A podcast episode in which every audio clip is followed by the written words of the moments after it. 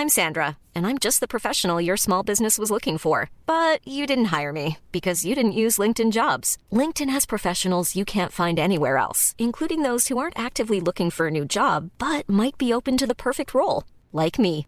In a given month, over 70% of LinkedIn users don't visit other leading job sites. So if you're not looking on LinkedIn, you'll miss out on great candidates like Sandra. Start hiring professionals like a professional. Post your free job on linkedin.com/people today.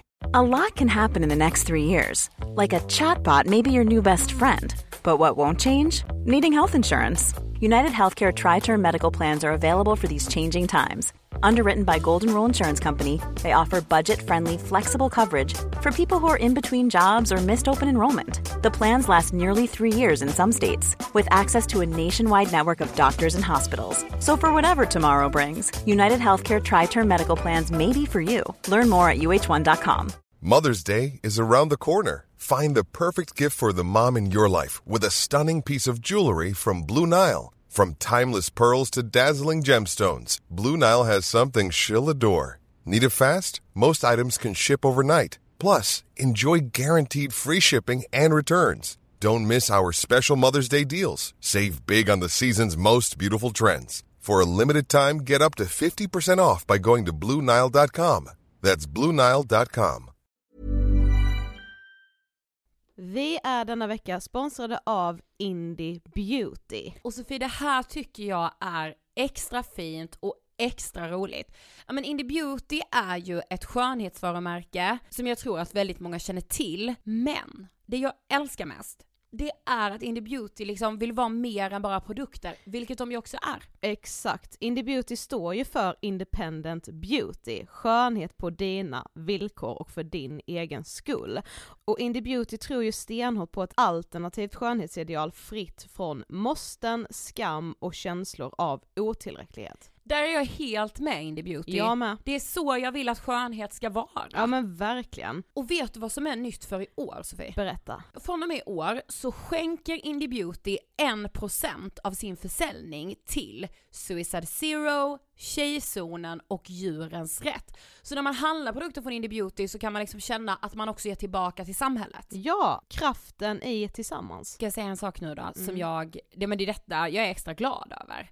Nu har Indie Beauty tagit fram en keps, och den tycker jag ändå så, på sommaren, skydda sig från solen, Jättebra, jag älskar kepsen. men det bästa, de bidrar till Suicide Zeros viktiga arbete för att minska antalet självmord och självmordsförsök. Så, för varje såld keps så går hela vinsten, 100 kronor, direkt till Suicide Zero. Då kan man liksom göra nytta både för samhället och sin hud på en och samma gång. Ja, och kepsen kostar 169, men alltså hela vinsten går då som sagt till Suicide Zero. Så om man vill göra skillnad när man är där ute i solen, nu när den börjar titta fram, då ska man välja den här kepsen. Den säljs exklusivt på indiebeauty.se och på Apotea. Tillsammans kan vi skapa en ljusare framtid. Vi ses med kepsarna på! Tack Indie Beauty. Vi är sponsrade av Mindler och som ni säkert vet sedan tidigare så är vi ju ute på psykologresan tillsammans. Men hur vet man egentligen när det är dags att söka hjälp? Ibland uppstår saker i livet som kommer utmana oss och kännas tufft. Det mesta självläker vi oss igenom, för vi är menade att ta oss igenom en viss mängd påfrestningar. Men ibland behöver man professionell hjälp för att ta sig ur jobbiga perioder i livet. Men vart går då gränsen? Vad är en del av livets skavighet och när är det läge att söka hjälp? Det sägs till exempel att stress är farligt, men att också kan vara bra. Alla sover dåligt ibland, så när har man egentligen sömnproblem? Ångesten kommer väl krypande för de flesta någon gång. Så när ska man se ångesten som outhärdlig? Hur vet jag? Med oss som psykolog har vi såklart min gamla psykolog Linnea Seidbrant. Men Linnea, vad är egentligen utmattningssyndrom? Utmattningssyndrom är en konsekvens av svår och långvarig stress utan möjlighet till återhämtning. Vi är ju då skapta för att klara av stress, men vi behöver också återhämtning. Om du utsätts för för mycket stress under en lång period utan att du får till den nödvändiga återhämtningen så kommer kroppen till slut att säga ifrån. Och det är faktiskt så att alla har en gräns. Du kan drabbas av en rad fysiska eller psykiska besvär som trötthet, sömnproblem, hjärtklappning, besvär från magen och tarmarna och mycket annat. Och det här är ju då varningssignaler och tecken på att du kan behöva göra någonting åt din situation. Annars så kan besvären utvecklas till att du mår så dåligt på sikt att du blir psykiskt och fysiskt utmattad. Ladda ner Mindler till din telefon och läs mer på mindler.se.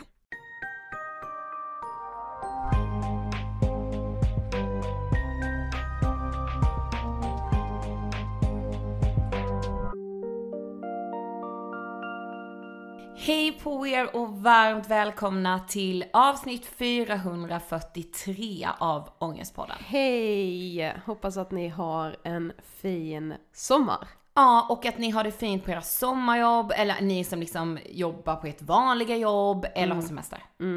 Du, jag var med om en grej med mamma. Alltså detta var så sanslöst.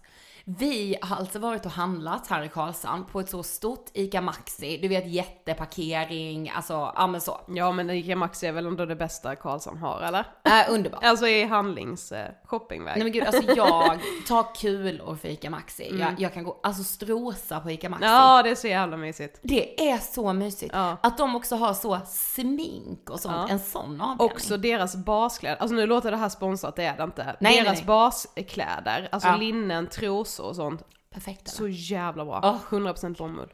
Åh! Nej men gud, ja, alltså underskattad grej.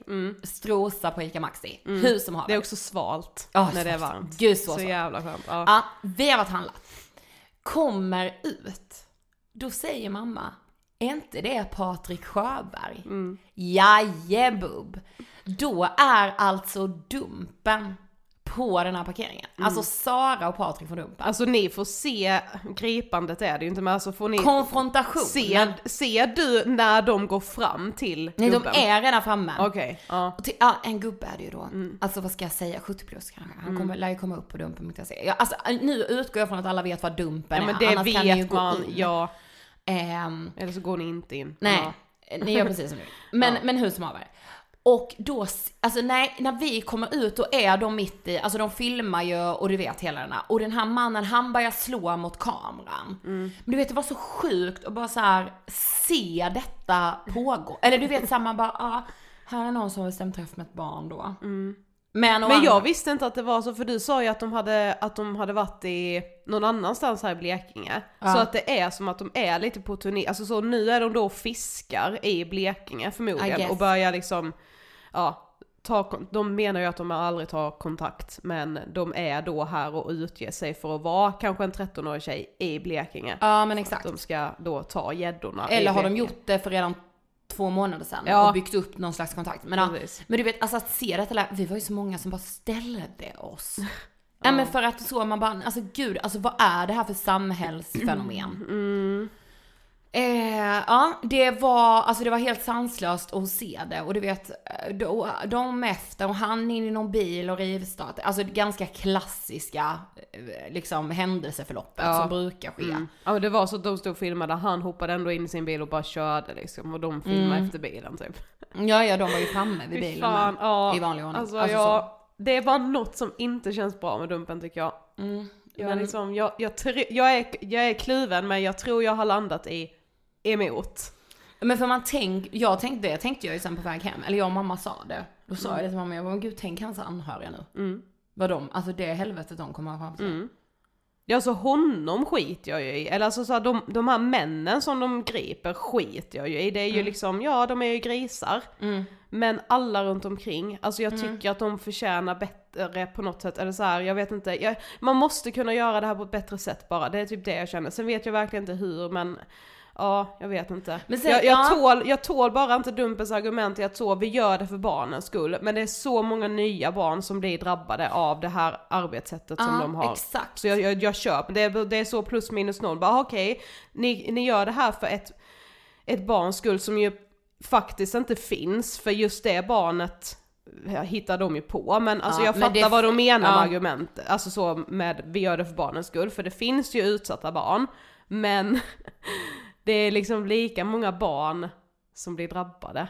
Ja, för att då, men och där blir jag så, men är det också, alltså är det, då, de skulle ju kunna säga så här, men är det vårt problem? Det är ju ni som samhälle som är sjuka, som inte kan ta hand om de anhöriga som, alltså de borde ju egentligen bli omhuldade och bara så här, vi lider med Ja, er. men det blir är de klart- ju inte. Nej nej, men eh, vem, alltså så.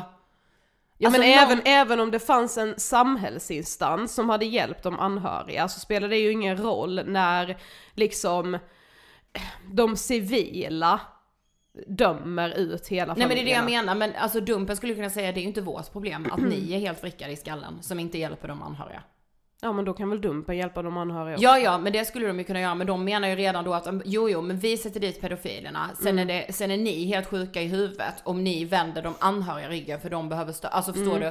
Nej men jag tycker det är skit, alltså jag kan inte säga vad, alltså, vad, jag, vad jag tycker överhuvudtaget. Alltså jag tycker det är vidrigt såklart. Men blev du starstruck av Sara? Sara.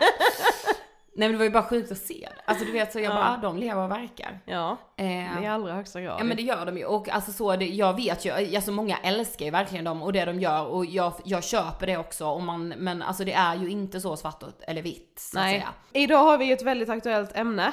Ja men det får man säga. Vi kände också att vi ville släppa det i sommaren. Eh, nu har det ju faktiskt varit svalare här än vad de först befarade. Mm. Man gick ju ut ganska tidigt, liksom typ i maj, början av juni och sa att det kommer bli en ny sommar 2018. Ja exakt. Och då blev jag rädd. Ja jag med. Eh, det har det ju lyckligtvis ändå inte varit i Sverige, men om vi bara tittar ner i Europa och i USA nu, Nej, men alltså- alltså jag får panik. Ja och idag har vi med oss Gabriella Skog som är geolog. Alltså förlåt, att vara geolog. Och hon är så Sofie, hon är yngre än oss. Ja, och men så jävla smart. en, ja, en och... miljard gånger smartare. Jo, det får man Eh, säga. nej men hon är just nu aktuell för hon har skrivit en eh, barnbok tillsammans med Kristina Hagström och den här boken heter Våra hemliga krafter och handlar just om så här, men okej men hur pratar vi då med barn om klimatutmaningar, klimatlösningar, Ja, men, och, liksom hur får vi barn att känna mindre klimatångest? Och det här gäller ju även oss vuxna. ja, för det är det jag typ kan störa mig på lite den här, för man, alltså, man har ändå, det var ju liksom ingången till det här samtalet, Mm. just så, åh men hur pratar man med barn och barn har så mycket klimatångest och jada jada. Men det är ju, problemet är ju att vuxengenerationen inte har ångest. Exakt. Det är ju det som är det stora problemet här. Ja. Alltså det var bara så sjukt igår så, det går ju liksom repriser nu på tv. Ja. Eh, så eh, igår kollade jag på Historieätarna Ja. och då var de på 60-talet. Ja. Eh, och då berättade de så att 60-talet var liksom så här, då började man typ, då hade man mycket picknick, man åkte ut med sina bilar, många hade ju sin första bil. Det. Eh, och att man då bara så åt i naturen och sen lämnade man kvar skräpet där för att så, ja men alltså det är ju naturen som ska ta hand om det. Och så visade de en reklamfilm från så här, en informationsvideo om sjövett, hur man skulle dumpa skräpet i havet. Nej men Då var det en, en typ så, ja men långburk liksom. En Falcon. Ja. Eh, då skulle man göra hål i botten av burken, för då sjunker den, citat. Eh, sen hade de tagit fram en stor papperslåda eh, och slängt all skräp där i. Likadant där, att man med en kniv gjorde liksom hål i sidorna så att det snabbare skulle bli tyngd i den. Han bara, sen dumpade bara den ute på djupt vatten. Och det har mamma med sagt, hon var alltså när vi var ute, vi slängde, vi slängde bara plasten rakt ner i havet. Alltså det hade ju liksom inte hänt idag och det är ju mycket på grund av denna generationen. Ja, ja, verkligen. Alltså den yngre generationen. Ja. Men, men vi kommer ju också fråga Gabriella att så här, alla experter säger samma sak. Omställningen måste gå snabbare.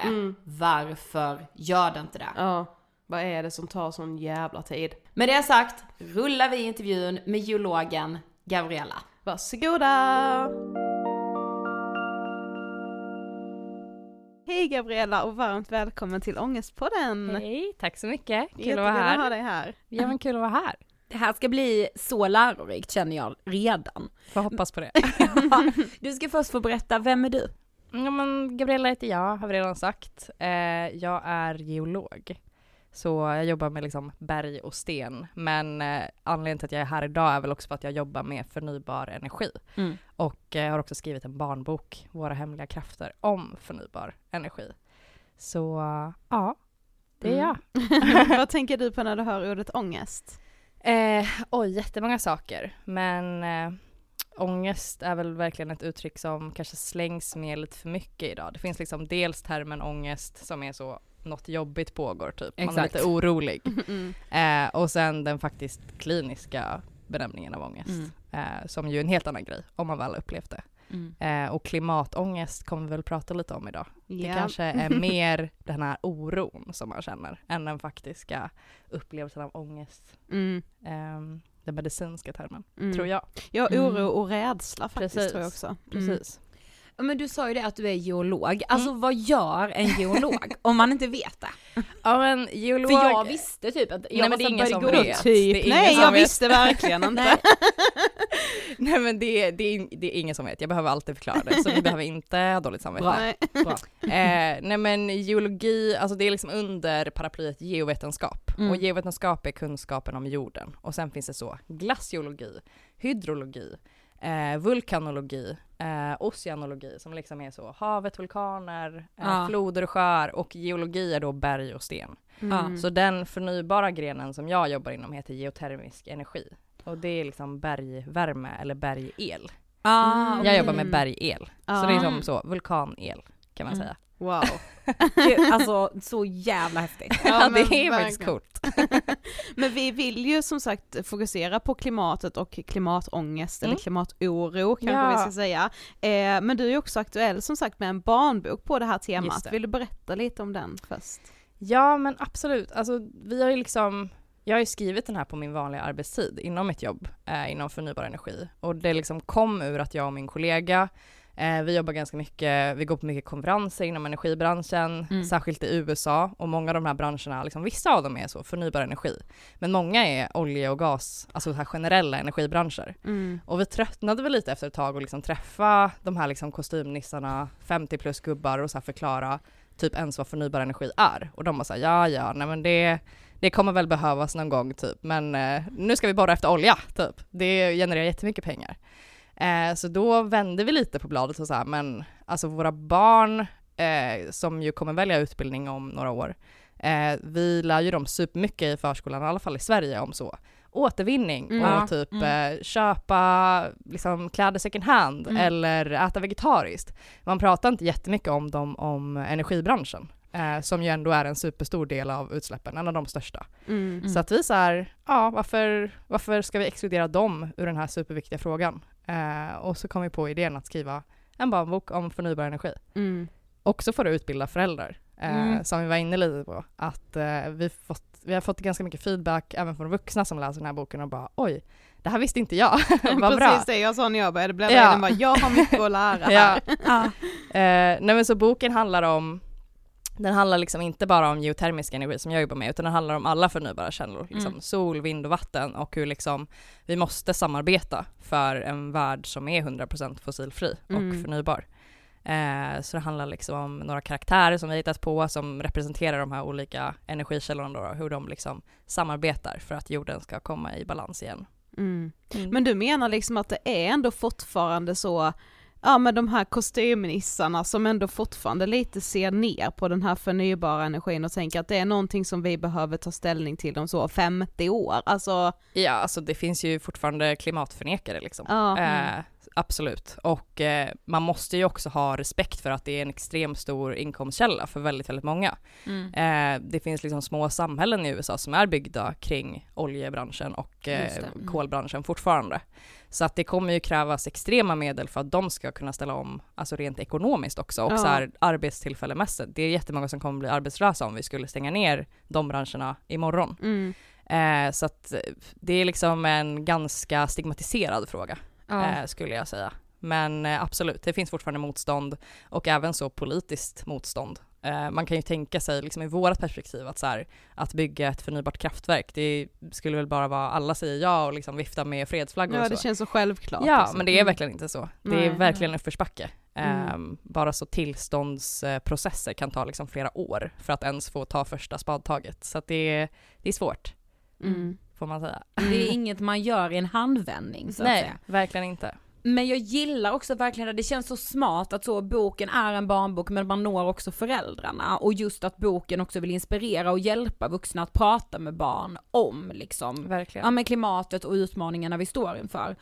Eh, och vi läste det att barn, eh, eller åtta av tio unga har Mm. klimatångest idag och tre fjärdedelar är rädda för framtiden. Mm. Är det berättigat?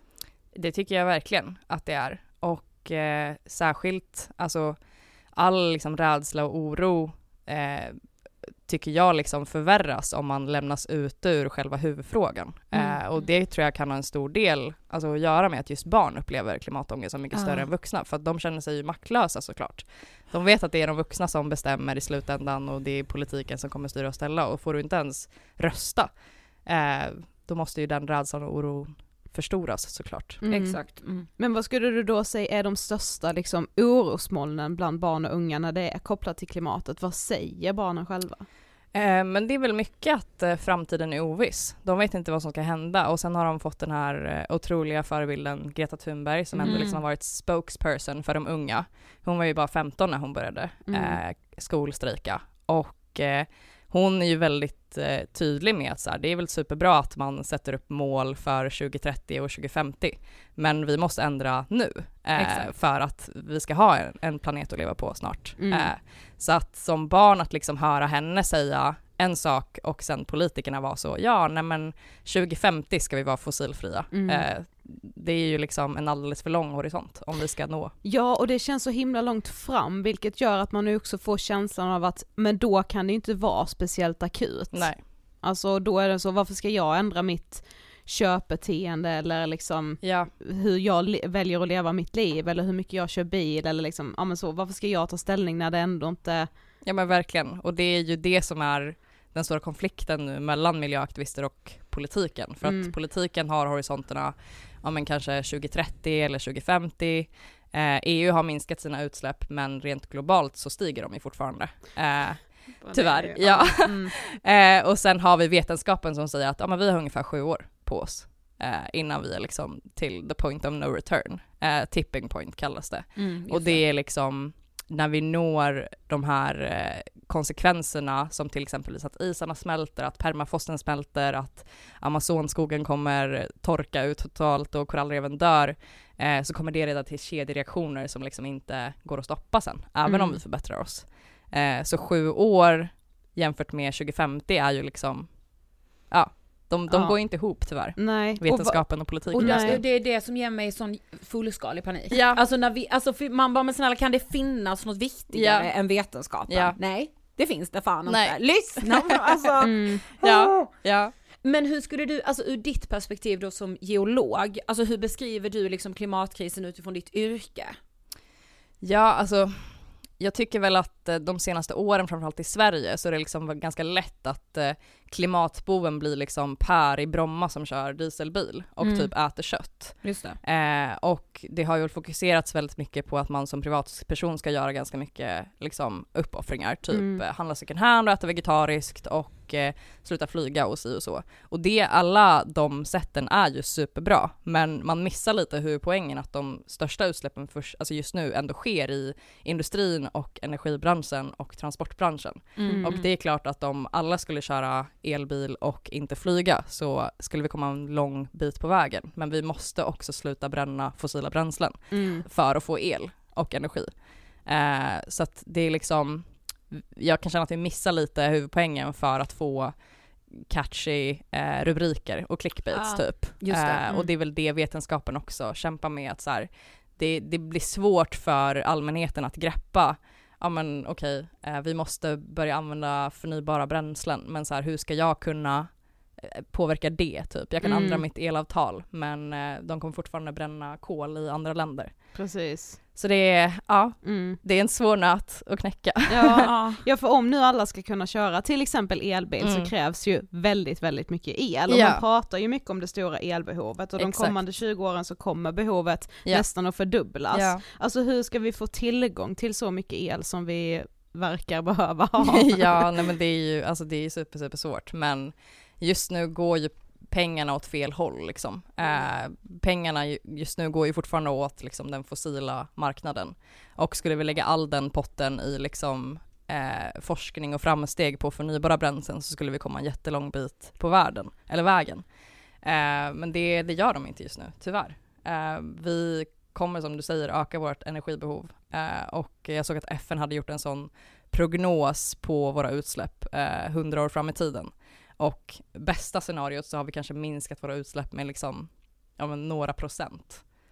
Um, och det var så bästa scenariot? Ja, det är bästa scenariot. Worst case scenario är verkligen så en extrem stegring på fossila bränslena och eh, förmodligen kommer vi öka lite grann.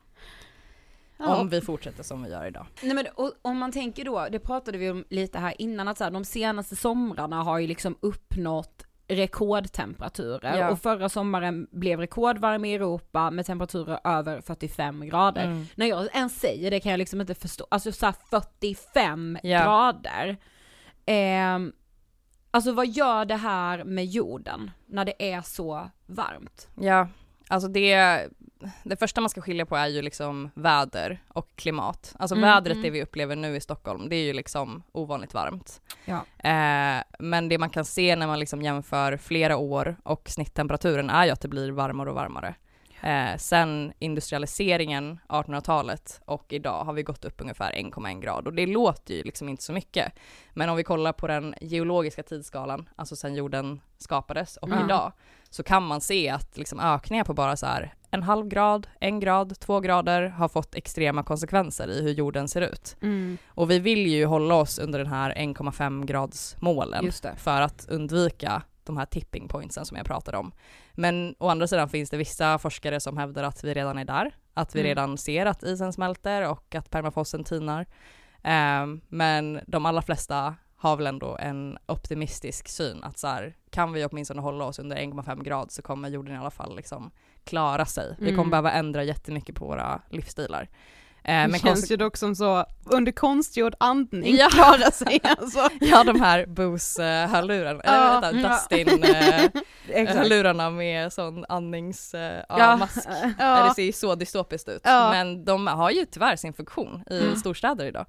De har jättedålig livskvalitet. Men åter till din fråga, vad gör det med jorden? Alltså det är liksom, det blir de här kedjereaktionerna, att haven värms upp, Eh, mangroveträsk som lagrar jättemycket koldioxid, de dör och när de dör så släpps koldioxiden ut. Mm, eh, mm. isarna smälls och havsnivån stiger så att folk kommer behöva flytta och extremväder blir allt vanligare och vanligare. Så att det, det försätter ju jorden i någon slags eh, kritiskt läge så att så som vi känner igen den eh, kommer ju ändras mm. väldigt mycket. Men kan man se liksom eh, över, över väldigt lång tid att ökningen av liksom, att, att gradantalet har ökat snabbare än vad det gjorde innan? Ja, precis. Alltså mm. eh, tidigare när vi liksom inte fanns på den här jorden mm. så har det ju mm. skett sådana här saker då. Mm, Till den har ju ändå eh, alltid ökat lite. Ja det har ökat lite men också minskat. Alltså mm, man har kunnat ah, se typ okay. så här, ja men det kanske har varit eh, något eh, vulkanutbrott för eh, 200 miljoner år sedan eh, som täckte hela jorden i ett eh, ozonlager. Mm. Eh, och då blev det istid och sen skingrades ozonlagret och så blev det varmare igen. Så liksom sådana naturliga saker har ju hänt. Mm. Och eh, naturligt sett så ökar ju och minskar koldioxiden eh, av sig själv liksom i olika naturliga processer. Ja. Men nu har man ändå kunnat se sen industrialiseringen en tydlig trend på att liksom mängden koldioxid vi släpper ut, människan, påverkar eh, naturen mm. och dess sätt att liksom hantera balansen mm. i atmosfären. Då ökar det liksom onaturligt fort. Precis, ja. precis. Mm. Ja, gud man blir verkligen... Ja det är så läskigt. Ja det är så läskigt. ja. Men hur skapas då extremväder? Alltså det här kanske är en jättesvår fråga men samtidigt som man ser den här extrema värmen då i Europa så kan man ju samtidigt se att när det väl då regnar till exempel så blir det alltså kritiska regnfall ja. som liksom tar sönder liksom jorden, flyttar på hus, bilar ja. flyter omkring liksom, det blir de här monsunregnen. Alltså hur skapas extremväder?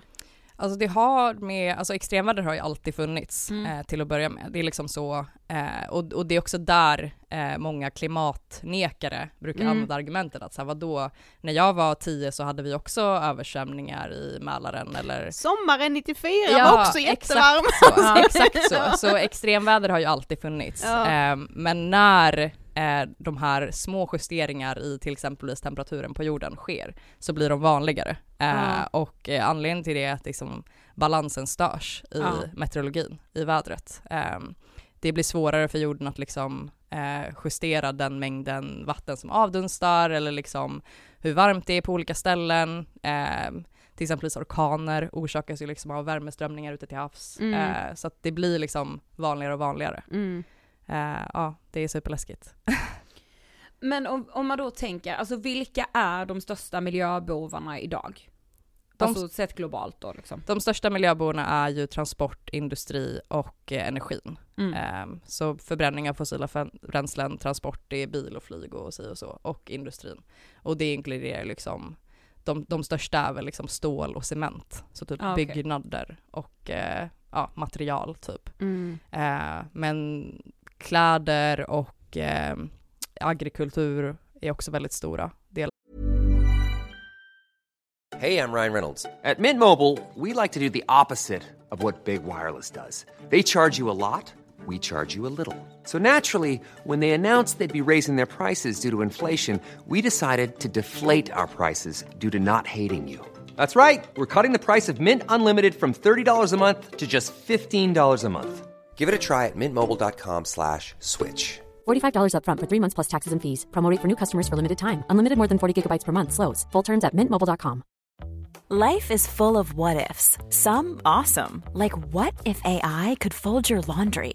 And some, well, less awesome, like what if you have unexpected medical costs? United Healthcare can help get you covered with Health Protector Guard fixed indemnity insurance plans. They supplement your primary plan to help you manage out of pocket costs. No deductibles, no enrollment periods, and especially no more what ifs. Visit uh1.com to find the Health Protector Guard plan for you. Everyone knows therapy is great for solving problems, but getting therapy has its own problems too, like finding the right therapist, fitting into their schedule, and of course, the cost. Well, BetterHelp can solve those problems. It's totally online and built around your schedule. It's surprisingly affordable too. Connect with a credentialed therapist by phone, video, or online chat, all from the comfort of your home. Visit betterhelp.com to learn more and save 10% on your first month. That's BetterHelp, H E L P.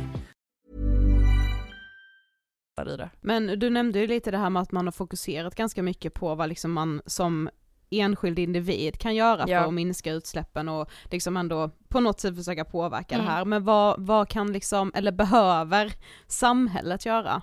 Alltså samhället eh, behöver ju, alltså vi behöver ju tyvärr liksom vända på hela våran energikonsumtion. Eh, eh, och det är vi, vi på goda vägar liksom i Sverige. Vi har bra mål och vi minskar våra utsläpp. Eh, men det behöver ske snabbare. Eller Mm. vetenskapen argu- argumenterar för att det måste ske snabbare. Um, men som man kan göra som privatperson liksom, för att ändra just den här energiaspekten som jag pratade om. Det är Mm. väl typ att kolla vad din bostadsrättsförening har för elavtal. Kolla vad din eh, liksom, hyresrättsförening eh, äter för el ur elverket. Kan man göra någonting där? Ehm, är det e- ett dåligt typ av el så kan man kanske ja, starta någon namninsamling. Eh, man kan också mejla politiker. Eh, man kan engagera sig i olika miljöorganisationer eh, för att göra skillnad. Och orkar man inte mejla själv så kan man ju alltid bli månadsgivare i Mm, någon just vettig det. organisation. Mm. Det är liksom bare minimum ändå. Men också alla de sakerna vi har hört tusen gånger. Alltså så, försök att inte konsumera så mycket. Ät vegetariskt om man kan, när man orkar och stanna på jorden. Alltså, Mm. Ja men precis. Alltså er bok handlar ju då om hur man liksom ska prata med barn eh, om klimatångest. Eh, men samtidigt så känns, alltså detta sa vi ju till dig nu innan att så här, Ja. någonstans känns klimatångesten lite hoppfull för det Ja. känns som att de yngre generationerna verkligen är betydligt mer handlingskraftiga än Verkligen. vår generation och än liksom äldre generationer. Ja, ångesten visar ju att de bryr sig. ja, liksom. verkligen. Ja, att de typ är benägna på ett annat sätt att ändra sina beteenden. Mm. Ehm, men alltså känns det liksom, alltså hur får man den äldre generationen, alltså ibland kan jag tycka att det känns hopplöst. Ja. Hur får man dem att ändra sina beteenden? Ja, det är en jättebra fråga. Men alltså verkligen, jag, alltså en stor eh, inspiration till den här boken har ju varit barn i vår närhet som verkligen bryr sig. Eh, jag har småsyskon som är liksom eh, hundra gånger större miljökämpar än vad jag är och eh, ja, men min lillebror eh, särskilt är väldigt så insatt och eh, han, men vi har släktingar i Norge och Mm. eh, de åkte på en bilsemester dit för några somrar sedan. Och när jag kom hem så frågade jag honom, ja ah, men så här, hur var Oslo typ? Han bara, ah, nej men det var kul, nästan värt bensinen. Alltså, Mm. Ja, jättesöt. Men, Mm. eh, nej, men de har ju verkligen klimatångest och eh, exakt. Jag tror att eh, vi har några så diskussionsfrågor eh, i slutet av boken Mm. som är lite så, vad kan vi göra? Eh, och en av de punkterna är fråga dina föräldrar vad de gör för att bidra och jag tror typ att det är en väldigt bra punkt för Mm. att Alltså på något sätt så vill man väl mest av allt göra sina barn stolta och liksom visa att man är en bra människa och typ vara ett gott föredöme. Ja. Men om barnen inte vet om, liksom, ja, själv har faktapunkterna eh, och kan typ slå det på fingrarna, nej men liksom, om de inte kan ställa det till rätta för att de inte har verktygen för det, då kommer vi nog ingen vart. Men jag tror Nej. verkligen att barnen eh, är de som kommer ställa kraven på oss i framtiden. Ja, ja alltså Förhoppningsvis, 100%. ja. Alltså i Alltså, denna ja, frågan mm. kommer barn, jag tror aldrig barn kommer ha påverkat något politiskt Nej. så mycket som i den här frågan. Nej, För att de är ju, det är ju de som kommer få sota för Ja. om vi inte beter oss ja men verkligen. Och jag tänker också att vi då som är så 90-talister, det är många av oss nu som börjar skaffa barn, Ja. det kanske ändå också kan få många av oss att också verkligen Mm. se över hur vi lever våra liv för att Gud, man ja. vill göra det för barnens Ja, skull. Om Verkligen. man själv då har egna barn så är det liksom ännu enklare att engagera sig. Ja, ja, ja, Ja. jag tror verkligen det. Ja, och så får vi bara försöka övertyga även våra föräldrar Ja. om att det, det kan finnas någon slags mening med att ändra sina beteenden. Ja, Eh, men du var ju inne lite på det här då, men utöver liksom extremväder och så, vad kan klimatkrisen få för sekundära konsekvenser? Ja, alltså om vi pratar, vi pratar lite om eh, eh, bönder lite när jag kom in här Ja. också, att så här, det krävs ofta att du behöver liksom en person i din närhet som redan nu direkt påverkas av klimatförändringarna. Eh, och i Europa så är ju bönderna, vare sig det är liksom grönsaksbönder eller mjölkbönder eh, eller kanske vinproducenter, Ja, Mm. alla de påverkas ju extremt mycket av klimatförändringen redan nu. Eh, I Spanien så förväntar de sig att liksom 60% av grödorna kommer gå förlorade den här skörden. Mm. Och det är liksom så mycket. Eh, så till exempel som man kollar på den liksom grönsaksproduktionen i Europa, förmodligen om vi liksom blir varmare och varmare så kommer vi i Sverige typ behöva odla tomater och gurka Ja. i framtiden. För att det kommer vara för torrt och för varmt i typ Europa, eller liksom Spanien, Frankrike och Italien Ja. som är de stora producenterna nu. Eh, vi kommer liksom behöva tänka om vår näringsproduktion, eh, vad vi odlar och hur vi odlar. Vi kommer inte kunna producera tillräckligt mycket spannmål för att mätta alla, eh, så vi kommer behöva liksom ändra det vi äter helt enkelt. Ja. Alltså liksom, vi kommer kanske behöva äta mer alger och typ insekter som är mycket energisnålare att odla. Ehm, Aha, mm. Exakt. Ehm, men också om man kollar på det mer dystra, liksom, det kommer vara svårt att bo i de här storstäderna. Alltså redan nu dör det enormt många personer av koldioxidförgiftning för att det är så smutsig luft i liksom, stora, stora städer. Eh, och folk kommer behöva flytta på grund av extremväder. Mm. Alltså en stor del av jorden kommer inte vara beboelig. Eh, det kommer liksom bli klimatflyktingar. Ja, Ja. det kommer bli enormt mycket klimatflyttningar på grund av liksom översvämningar och eh, torka. Liksom man kommer inte kunna gröda eller liksom växa saker där Nej. överhuvudtaget. Mm. Men vadå koldioxidförgiftning? Alltså jag har inte ens hört talas om det. Typ inte jag heller. Nej. en jättevanlig dödsorsak tyvärr. Alltså, Var typ? eh, ja men i eh, liksom Indien och Kina, Ja. i stora städer där. Herregud, alltså Ja. jag trodde nog framförallt då det var, det hände väl också att Ja. äldre dör av hettan. Ja, precis. Ja. Det var, ju, det det, var ju, ju ja. 2018 sommaren liksom, den Ja. stora liksom, wake-up call här. Mm. Eh, men det var väldigt intressant, alltså det är ju en väldigt vanlig dödsorsak. Eh, men eh, nu i New York för några veckor sedan så blev det ju någon slags eh, inversion där. Så att eh, vanligtvis så liksom, de här partiklarna som vi släpper ut stiger ju upp, med, upp i atmosfären. Eh, men blir det ett annorlunda tryck i atmosfären så stannar de kvar på marken. Mm, just det. Och det är ofta det som händer i liksom storstäder till slut. Och i New York hade de några sådana dagar där de var så här, nej men nu kan inte vi gå ut för då kan man bli förgiftad. Och Ja. så skrevs det jätte- jättemycket om det. Men i själva verket är det en verklighet i jättemånga städer Mm. redan nu, tyvärr. Herregud, ja. Ja. Men alltså, som vi också var inne på, alltså alla experter säger samma sak. Mm. Det måste gå snabbare. Ja. Alltså varför gör det inte det? Nej men det är verkligen million dollar question. Ja. Alltså, det, man tänker ju att det borde vara så himla himla enkelt. Eh, men tyvärr så är det så himla mycket ekonomi inblandat Mm, i det. mm. Eh, det är så så mycket pengar, så så mycket människor som jobbar med det här just nu och eh, att liksom det, det innebär liksom en energiomställning att bara så bygga ut elnätverken och bygga nya kraftverk och liksom stänga ner hela industrier. Ehm, och eh, jag tror bara att så det saknas pengar till att göra det just nu. Mm. Eh, och de pengarna läggs på fel ställen. Ehm, men med det sagt, sättet vi konsumerar just nu och sättet vi är vana att ha vår levnadsstandard, eh, det är väl det som behövs kompromissas på Mm. för att det skulle vara möjligt. Mm. Eh, men det krävs ju en politisk omställning såklart för att pengarna ska gå till rätt ställe. Men tror du man som politiker är rädd för den omställningen för att man är rädd att tappa röster? Ja, alltså 100 procent. Ja. För det innebär ju liksom att så här, okej, Det blir jävligt jobbigt. Det blir liksom. jättejobbigt. ja. eh, för att särskilt nu i Sverige, nu har vi ju väl lite sämre då, men vi har ju ändå, vi har ju växt upp i liksom extremt eh, hög konjunktur. Mm. och vi, ja. vi är vana vid en extrem liksom, hög standard på vårt eh, levnadssätt. Och eh, om ett parti skulle gå fram och säga så, nej men så här mycket ska vi ta från skolan, så här mycket ska vi ta från vården, där vi också har ju problem. Ja, Eh, men, eh, och problem som kanske för vårat liksom, hjärna att greppa känns mer närmre. Mm. Eh, istället för att prata om de här eh, långa horisonterna som 30, 40 eller 50 år. Ehm, men ehm, det här liksom, hotet, det är nästan som att det blir för eh, abstrakt för Ja. att ta på. Precis. Eh, och kanske hade man varit en vinbonde i Frankrike så hade det känts mycket mer verkligt. Men för oss som liksom travar runt på gatorna i Stockholm liksom Mm. i alltså, härlig sommarvärme, eh, det är svårt. Ja men vår sig. vardag har ju liksom inte drastiskt förändrats. Nej. Så ja, det blir lite varmare liksom, det är jobbigt alltså Ja, men så, precis. men man klarar ju av det. Ja men Ja, verkligen. men man kan få liksom, ni vet en sån Gud vad sjukt, åh nej Ja. nu hade det blivit det. Sen Ja. släpper man det. Alltså Exakt. så.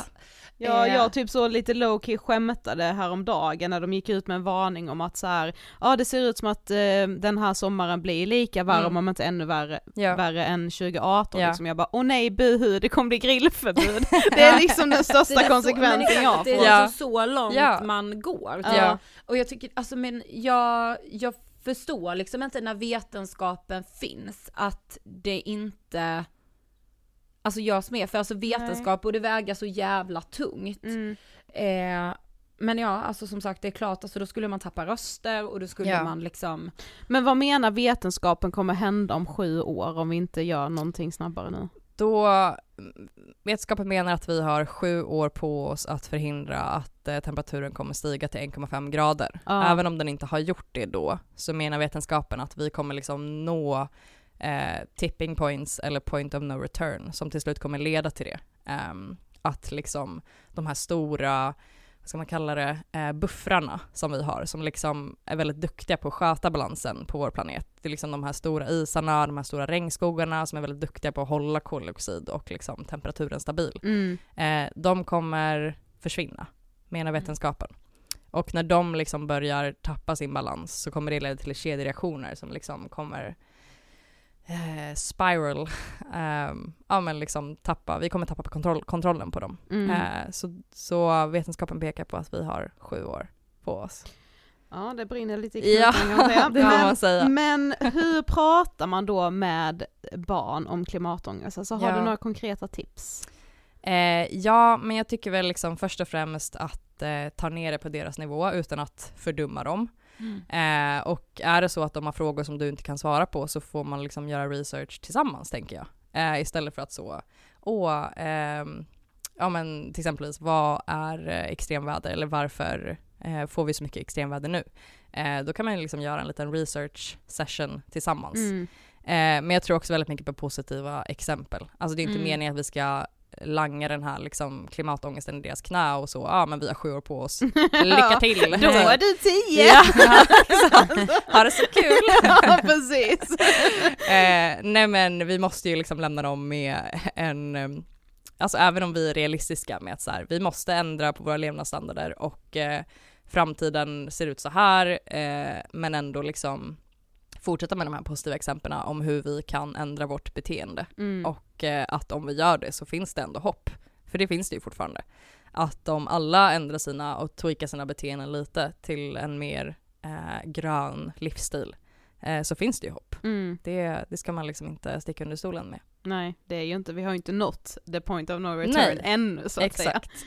Men vi, vi pratade om det också, att vi tror att många upplever att man kanske inte vågar vara ärlig med Mm. sina barn. Att man Ja. är såhär, äh, hur mycket ska jag liksom, och så, det gäller ju egentligen för all typ av så, Ja. ångest och mörker och saker som känns jobbigt. Verkligen. Men vad tänker du kring det? Men där får väl varje förälder göra sin egen, liksom, eh, eget eh, avgörande, Mm. tänker jag. Eh, vissa är så, men jag ska aldrig ljuga för mina barn, jag ska vara 100% Ja, exakt. ärlig. Mm. Medan andra är kanske lite mer bekväma med att eh, ja, tweaka sanningen lite i alla fall. Eller liksom kanske inte lämna hela, hela budskapet. Eh, jag tror ändå på ärlighet. Jag tror Mm. att barn kan ta och förstå mycket mer än vad vi tror. Mm. Och också säkert vet mer än vad vi tror. ja, de, ja. de fattar så De mycket. fattar Ja. så himla mycket. Så Mm. att jag tänker att snarare liksom öppna och ärliga diskussioner kanske kan lätta den ångesten lite. Mm, mm. Så att de inte, alltså är det så att de ett har läst på jättemycket och går runt med det här gråa molnet över sig och liksom allt, aldrig får ventilera det, förutom på typ YouTube. Ehm, eller två, att de fattar lite grann men inte allt, så kan man kanske hjälpa den liksom molnet att skingras Mm. om man eh, adresserar det och Mm. pratar om det tillsammans och liksom Ja jag tänker mig, är man liksom en familj och man Mm. gemensamt bestämmer att så här, nu ska vi äta mer vegetariskt Ja. eller nu ska vi källsortera ihop eller vad det nu än är. När man gör sådana konkreta saker tillsammans så lättar ju ändå ångesten lite för man känner ändå att så här, nu har jag ändå dragit mitt strå till stacken. Gud, ja. Och det kan ju ändå underlätta lite Ja. liksom. Ja men verkligen. Även om man Ja. verkligen får panik på politiken och allt. Alltså, Ja, ja absolut. Men, nej men så tänker jag också just med kring att vara ärlig att så här, ja men som vi säger, barnen vet så mycket mer, det är bättre att vara ärlig och också vara ett stöd i det, Mm. än att säga, ah nej men nu, nu ljuger jag lite, Ja. eller nu undanhåller jag det här, men så kanske barnet sitter där och vet, Exakt. men inte har någon att liksom bolla det Nej. med, eller uttrycka vad man faktiskt känner. Mm. Eh, så ja, det för, brukar vi ju förespråka med, Mm. och kring Ja. ångest och sådär också, Ja. var ärliga. Mm. Ja. Ja. Nej men det tror jag verkligen. Men om man då är ung och lyssnar på det här och kanske har någon, ja kanske rakt av en klimatförnekare i Mm. sin närhet, eh, vad kan man liksom, alltså hur ska man hantera det? Vad finns det för så konkreta liksom argument? Eh, nej men konkreta argument, alltså det är väl bara att leverera första bästa rapport Mm. i knät på dem. Men tyvärr så kommer väl det inte funka. Alltså jag menar det är så lätt att hamna i sin bubbla, vare sig det är liksom klimatförnekelse eller liksom något annat politiskt. Ehm, men eh, jag skulle väl ändå rekommendera liksom att eh, bara fortsätta eh, tjata på. Mm. Men också så här, ibland kan man faktiskt inte lära en gammal hund att sitta. Nej. Och är det så någon liksom farbror eller faster som är liksom bestämd att så här, nej men vadå typ eh, hösten eh, 73, då hade vi också regn. typ. badade jag ja. ju. Ja. Nej men då kan man väl, som vi nu som bestämde oss att nej men vi skiter i de här kostymnissarna, vi skriver en barnbok istället. Mm. Eh, alltså rikta sin energi där den tas emot Mm. och där du kanske kan engagera dig på ett, eh, på ett bra sätt Mm. och liksom samla krafter snarare än att eh, bli energidränerad på någon släktmiddag. Tror jag. Ja. Sant. Det har man blivit ju. Ja.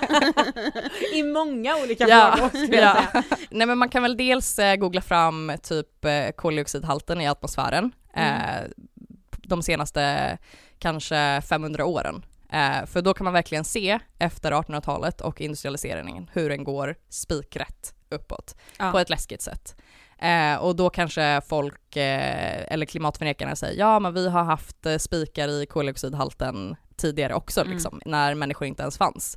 Eh, men de har inte varit i närheten av så stora som de är nu och inte så snabba heller. Och man kan också leda dem direkt till typ vulkanutbrott eller liknande som har varit eh, världsomfattande då på det sättet. Ja, just det. Mm. Så det skulle jag ändå säga är den största grejen. Det går liksom inte att förneka att det är Nej. människor som har lett till den här, alltså dagen vi började bränna kol till våra liksom ångmaskiner och liknande så Mm. har koldioxidhalten i världen ökat. Mm. Och temperaturen också. Mm. Så det är liksom, det går liksom inte att förneka. Nej. Men om vi ändå ska vara lite hoppfulla då, alltså vad finns det för liksom goda exempel på vad man har gjort rent politiskt kanske eller på samhällsnivå som ändå kan bidra till någon positiv utveckling?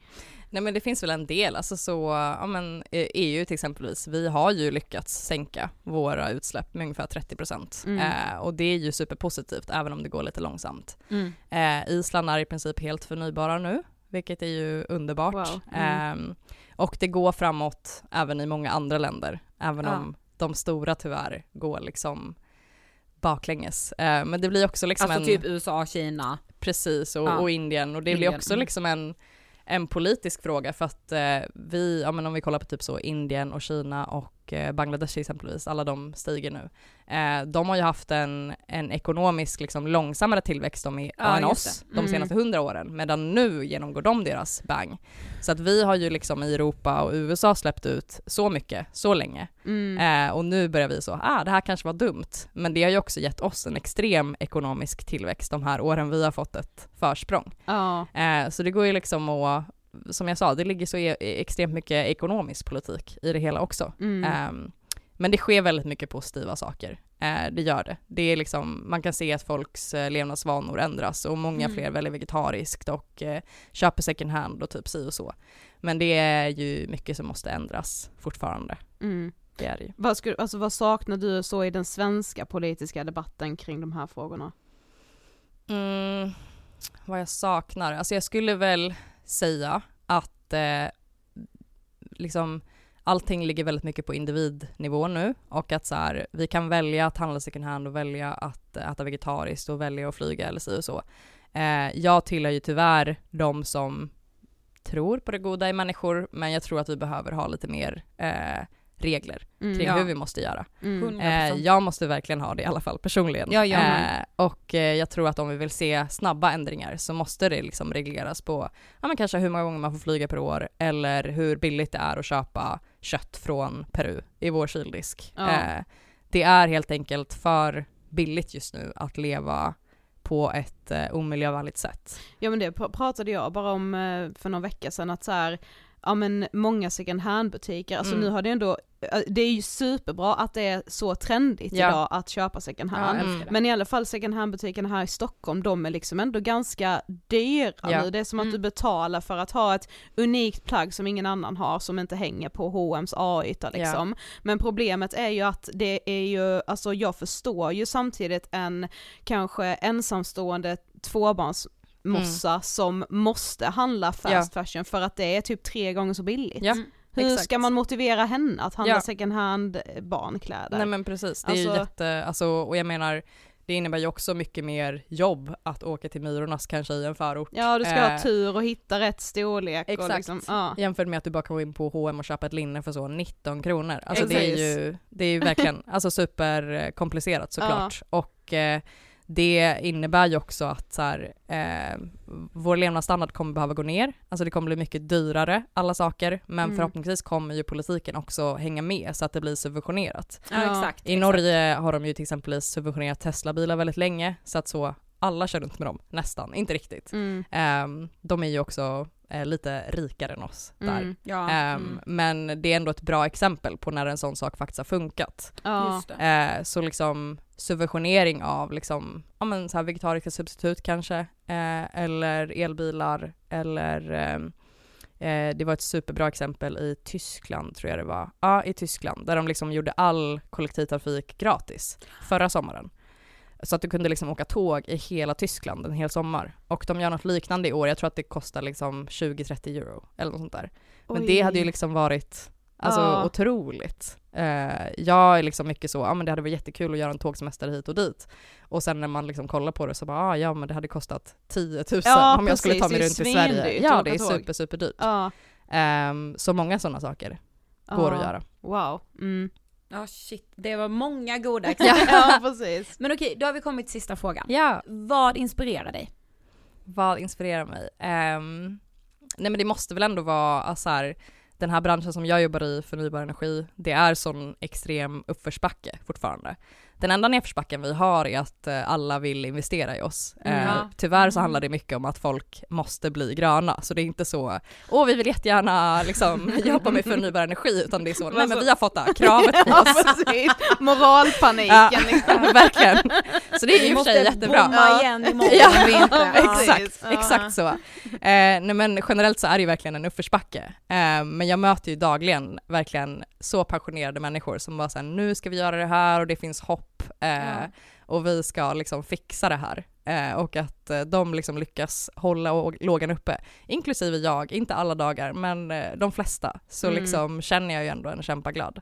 Mm. Eh, så jag tycker ändå att det är en väldigt, eh, väldigt inspirerande bransch att jobba i. Eh, jag känner mig lyckligt lottad att få göra det. Mm. Och boken kan man köpa överallt där böcker finns I ja, guess. faktiskt. Mm. tack så jättemycket för att du ville gästa Ja men tack, tack. Tack. Så Tack. kul. Jag tror det här är ett smart sätt att också nå vuxna.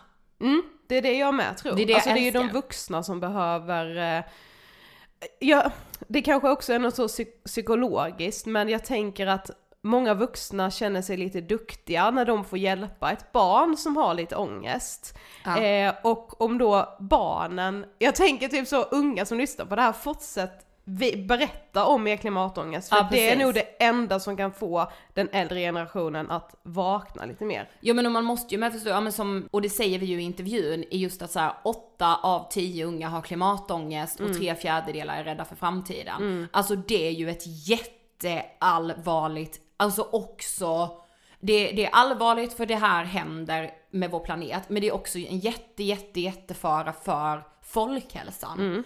Eh, så det går liksom inte att ignorera det här ur någon som helst aspekt. Eh, och jag eh, kan ibland bli förbannad på mig själv för att jag borde ha ännu mer klimatångest än vad jag har. Mm. Men jag tror inte heller att man, alltså den här hettan som ju är nu nere både i USA och i Europa, att man kan liksom inte förstå den hettan förrän man har upplevt den. Nej. För det var typ såhär, jag såg nu, det har ju varit svinvarmt i Italien Ja, till precis. exempel. Och då fick man till och med upp en flash, typ förra veckan, att så här, ja men eh, italienska myndigheter uppmanar folk att inte resa i onödan. Absolut att folk redan kan ha bokat sina biljetter och så, men att, man, att flygbolagen nu var det typ i någon nyhetssändning häromdagen, att det är typ inga flygbolag som ser en minskning i resandet Vadå, till inte- de här skitvarma ställena. Men var det inte nu att det var så någon dag nu var det mest flygplan i luften, alltså som det någonsin har varit på Ja. en och samma gång? Ja, hur, alltså va? Ja jag vet. Alltså, Alltså, det några av är- dem måste ju ändå vara så, sista minuten resor för nu, blev det, nu är det så dåligt väder på min semester Ja. så då åker jag till 40 grader i Rom. Nej men jag kan säga att jag tyckte att det var vidrigt när vi var i Spanien förra året, alltså värmemässigt. Ja. Jag tyckte att det var gräns. Alltså den, den värmen led ändå inte jag av så mycket men det var ju, det var ju också en bit ifrån 40 får man ändå säga. Men också så, du leder inte av det nej för att du, vi är 20, då var vi Ja, men 29, precis. Mm. unga, friska. Men en person som är Ja, ja, jag tycker ju inte det är normalt. Det är ju inget, alltså det, den Nej. värmen är inte eftersträvansvärd. Jag menar bara att där- mådde jag liksom inte piss, men eh, ja, det går nog inte att föreställa sig att hela tiden befinna sig i en, ett gradantal som är så mycket högre än ens egna kroppstemperatur. Det är Exakt. liksom inte normalt. Nej. Boken heter Våra hemliga krafter. Köp den, läs den för barn, framförallt för att vi vuxna också ska lära oss, för det gör man verkligen av den här boken. Verkligen. Och stort tack Gabriella för att du vill gästa Ångestpodden. Tack! Eh, vi hörs ju som vanligt på måndag igen. Monday! Vi ska på festival nu den ja, här så då vi veckan. får se hur vi mår på måndag. Ja, verkligen. Ja. Låt stå och se.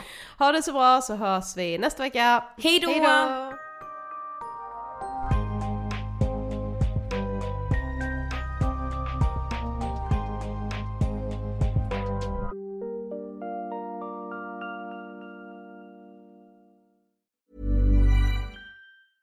Mom deserves the best, and there's no better place to shop for Mother's Day than Whole Foods Market. They're your destination for unbeatable savings, from premium gifts to show-stopping flowers and irresistible desserts. Start by saving 33% with Prime on all body care and candles. Then get a 15-stem bunch of tulips for just $9.99 each with Prime. Round out Mom's menu with festive rosé, irresistible berry chantilly cake, and more special treats. Come celebrate Mother's Day at Whole Foods Market. Imagine the softest sheets you've ever felt. Now imagine them getting even softer over time. That's what you'll feel with Bowl and Branch's organic cotton sheets. In a recent customer survey, 96% replied that Bowl and Branch sheets get softer with every wash. Start getting your best night's sleep in these sheets that get softer and softer for years to come. Try their sheets with a 30-night guarantee. Plus, get 15% off your first order at bowlandbranch.com. Code BUTTERY. Exclusions apply. See site for details.